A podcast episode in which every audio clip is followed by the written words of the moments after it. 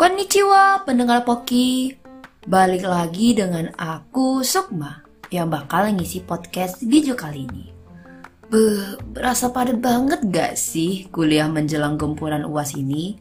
Apalagi tugas banyak molornya kan? By the way, buat teman-teman di luar sana, tetap semangat beraktivitas ya. Dan jangan lupa jaga kesehatannya. Oh iya, di edisi 4 kali ini, aku bakal bahas topik menarik lagi bareng bintang tamu kita. Kita geser bentar dari perwibuan ya. Mumpung ini podcastnya jurnalistik, kuilah kita ulik-ulik seputar jurnalistik. Dan sambil ditemani bintang tamu, bakal ada wejangan asik loh seputar jurnalistik yang bakal disampaikan sama orang yang udah terjun langsung di perjurnalistikan. Wah, waku-waku gak sih? Oke deh, kuilah kita sapa dulu bintang tamu kita. Halo Bunga. Hai Sigma, wah deg-degan banget nih perdana diajakin nge-podcast gini. Oke deh, halo guys, perkenalkan nama aku Bunga Anggreni, bisa dipanggil Bunga, tapi jangan manggil sayang ya. Sedikit jokes dan gak gugup nih. Waduh, gak nyangka Bunga bisa ngegombal nih. BTW, Bunga, makasih ya udah mau diajakin nge-podcast bareng aku di edisi kali ini. Sama-sama Su. Wah, aku seneng malah udah diajakin. Bisa punya pengalaman baru itu seru banget menurutku. Alhamdulillah kalau Bunga seneng. Hmm, mau tahu dong dari bunganya kenapa Bunga milih jurnalistik? Bisa cerita dikit dong, biar teman-teman pendengar Poki juga pada tahu nih sama jurnalistik.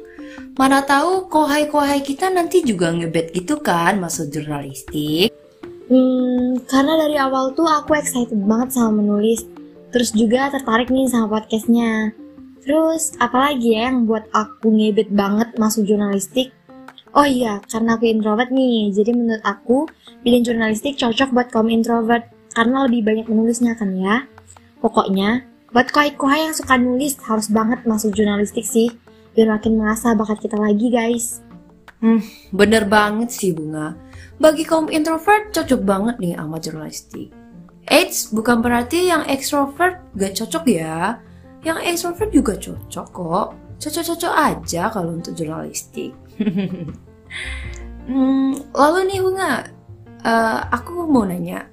Dalam jurnalistik itu kan identik dalam mengutarakan ide-ide dalam pikiran maupun penyampaiannya. Jadi hal yang krusial lah ya. Oleh karena itu pasti ada kode etiknya dong. Nah, kalau dari jurnalistiknya, kode etiknya itu apa sih Bunga? Kalau ditanya soal kode etik jurnalistik, menurut aku tuh pengertiannya dulu ya. Merupakan etika dari seorang wartawan atau penulis. Dalam hal menulis artikel, harus dicantumkan sumber datanya. Nggak boleh asal copas dari Google aja. Maksudnya, datanya harus logis dan akurat, independen, dan bertikat baik. Hmm, emang sih, Bung. Bener banget. Kayak yang sama sama kita tahu, apa pun itu tetap harus jujur dalam segala hal. Kayak karya, hak cipta, dan banyak lagi. Itu tuh emang gak boleh asal-asal ambil dan ngerasa jadi kepunyaan sendiri. Apalagi dalam kasus meliput berita dan menggarap tulisan ya. Kita emang perlu tahu dan sadar tentang etikanya. Nah, kalau dari bunga nih, seberapa penting sih kode etik ini? Setuju banget sama pendapat Sukma. Menurut aku sendiri, sangat penting kode etik bagi jurnalistik. Karena kalau kode etik nggak ada, pasti seorang wartawan atau penulis akan dipidanakan.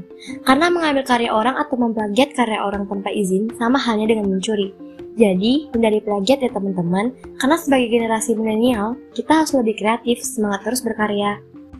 Hmm, berarti penting banget sih kita harus memahami pentingnya dari kode etik nih. Nah, seperti kata Bunga juga nih teman-teman, hindari plagiat juga. Karena kita sebagai generasi milenial harus kreatif dan semangat terus dalam berkarya.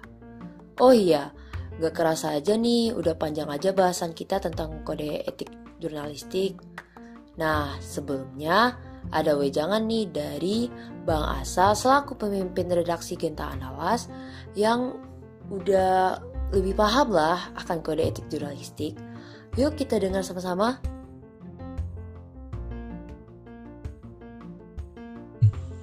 menurut aku yang udah terjun di dunia jurnalistik kode etik jurnalistik benar-benar harus dipegang sama bertugas ya.